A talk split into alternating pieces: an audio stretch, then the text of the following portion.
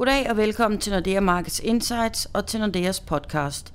Her taler vi om udviklingen på de finansielle markeder og ser nærmere på økonomiske trends og politiske strømninger.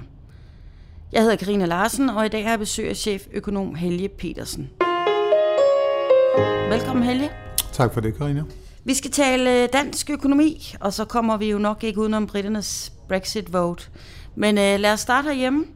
Det er ved at være sommerferietid, og måske godt tidspunkt lige at gøre halvårsstatus for den økonomiske udvikling. Så hvordan, øh, hvordan er det egentlig gået for dansk økonomi? Jeg synes egentlig, at det er gået okay for økonomien øh, her i løbet af det første halvår. Vi fik her i går tal for, det var reviderede tal for bruttonationalproduktet i første kvartal, og det viste, at der var en fremgang herhjemme på 0,7 procent over kvartalet. Det er faktisk øh, højere end i noget andet land i Norden, og det er længe siden, vi har haft så høj en vækst hen over et kvartal. Når det så er sagt, så er det også på en lidt billig baggrund, fordi vi fik samtidig at vide, at Danmark faktisk var i en teknisk recession. Vi havde faktisk haft både 3. og 4. kvartal sidste år viste negativ vækst. Så på den måde så var det på en lidt billig baggrund. Men øh, det, som der går pænt herhjemme, det er det private forbrug, og især så er vi blevet vilde med at købe nye biler igen. Det er også med til at trække en, en fremgang. Mm. Øhm, og der, hvor det jo også går godt, og det har det gjort igennem et stykke tid, det er på arbejdsmarkedet, og der har vi alene i år, og det er bare frem til april måned, vi har tal for beskæftigelsesudviklingen, der er der blevet skabt ca. 10.000 nye jobs mm-hmm. i Danmark.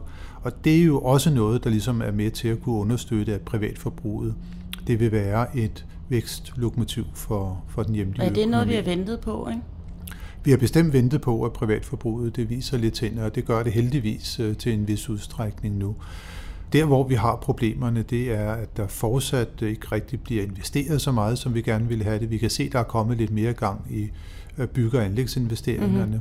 Øh, men øh, erhvervslivets investeringer ligger fortsat øh, lidt for lavt i forhold til, hvad vi egentlig gerne vil have det. Hvorfor det, tror du? Jamen, jeg tror, det er fordi, der er både noget overkapacitet, og så er det nok også lidt usikkerhed omkring, hvad fremtiden egentlig kommer til at indebære. Fordi mm-hmm. vi må jo sige, at finansieringsforholdene, det er jo historisk gunstige med den meget lave rente, som vi har for tiden.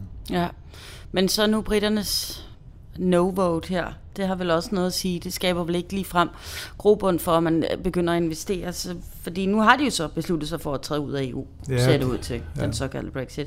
Men hvordan vil det så påvirke dansk økonomi yderligere? Jamen, jeg tror, det kommer til at påvirke dansk økonomi negativt nu. Ja. Og det er jo ikke mindst, fordi det bliver sværere at sælge til Storbritannien. Det er jo et af vores store eksportmarkeder. Men det britiske pund, det er jo faktisk faldet med næsten 10 procent i mm. værdi, bare som følge af Brexit. Det vil sige, at danske varer bliver dyrere i Storbritannien, så der må vi formode, at de køber nogle færre af det.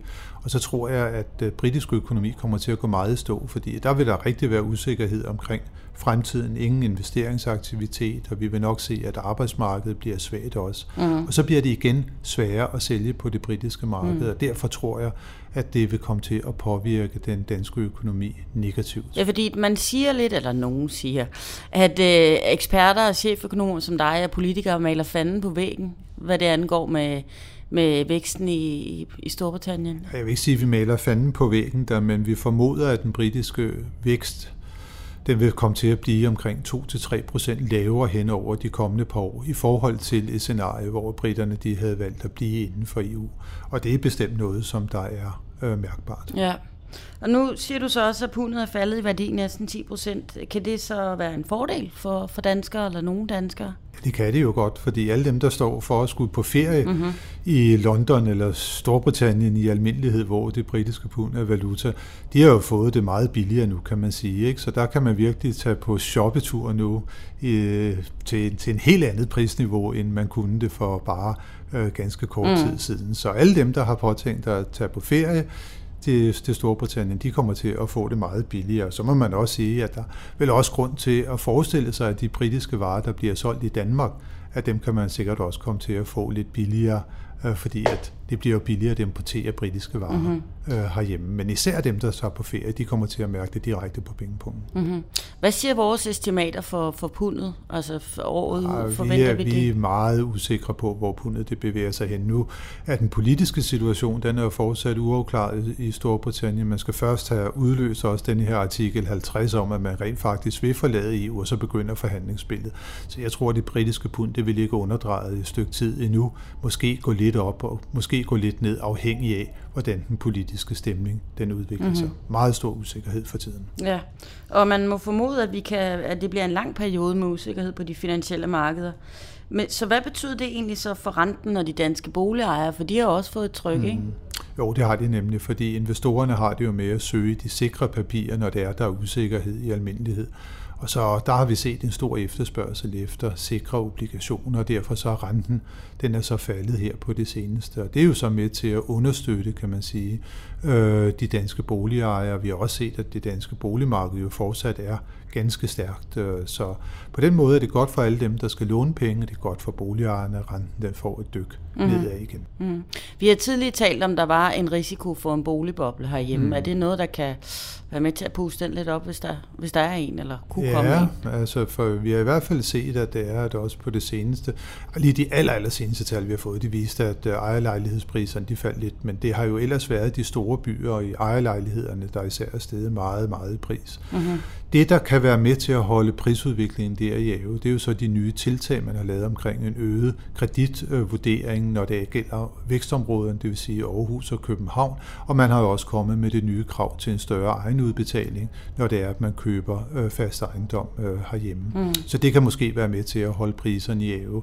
Ellers så synes jeg, at de nogle steder, øh, i visse postnumre, der er de nået op på nogle niveauer, som jeg synes ikke er holdbare i, i Okay. Mm. Men, men så du ikke temmelig bekymret? Jeg er ikke temmelig bekymret. Jeg er lidt bekymret, øh, men jeg mener ikke, at vi på nuværende tidspunkt kan sige noget om, at der er en generel boligboble herhjemme. Men der er som sagt områder, hvor det har været meget attraktivt at flytte til, hvor priserne er blevet så høje, at det efterhånden må, må sige at være svært at komme ind der, hvis det er, at renten den begynder at stige bare lidt. Mm-hmm. Okay. Så det var sådan en uh, lille kort halvårsstatus på dansk økonomi. Det ser det vel egentlig ikke så galt ud. Men hvordan ser det ud i resten af verden, og hvad, hvad mener du, vi skal være opmærksom på i, her i andet halvår? Resten af verden, der har vi jo haft også lidt blandede øh, bolser, vil jeg sige. At vi har måske haft en lidt vækstskuffelse omkring den amerikanske økonomi og også Kina, mens omvendt Europa har gået med undtagelse af Storbritannien egentlig rimelig fornuftigt. Øh. Så det er sådan lidt blandet. Det er ikke fordi, at vi er over for en periode, hvor der generelt set vil blive tale om høj økonomisk vækst. Det tror jeg mm. roligt, man kan sige. Det, der så bliver rigtig spændende at følge her i løbet af andet halvår, det er jo ikke mindst udviklingen i USA. Aha. Der skal være præsidentvalg her til november. Det bliver rigtig spændende at se hele kampagnen op til det, hvordan at også de finansielle markeder kommer til at udvikle sig. Ja. Hvem er det, der bliver præsidenten, og hvordan kommer det til at påvirke den amerikanske økonomi, når det er, at vi går ind i 2017. Det er i hvert fald noget, som der skal være voldsom fokus på.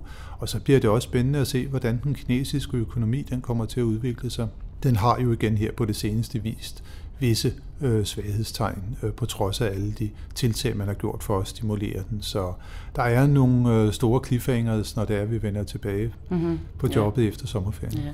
Det bliver et spændende efterår. Det gør det. Men nu skal vi lige nyde sommeren først. Så tak Helge, og rigtig god sommerferie til dig, og også god sommer til alle jer, der lytter med.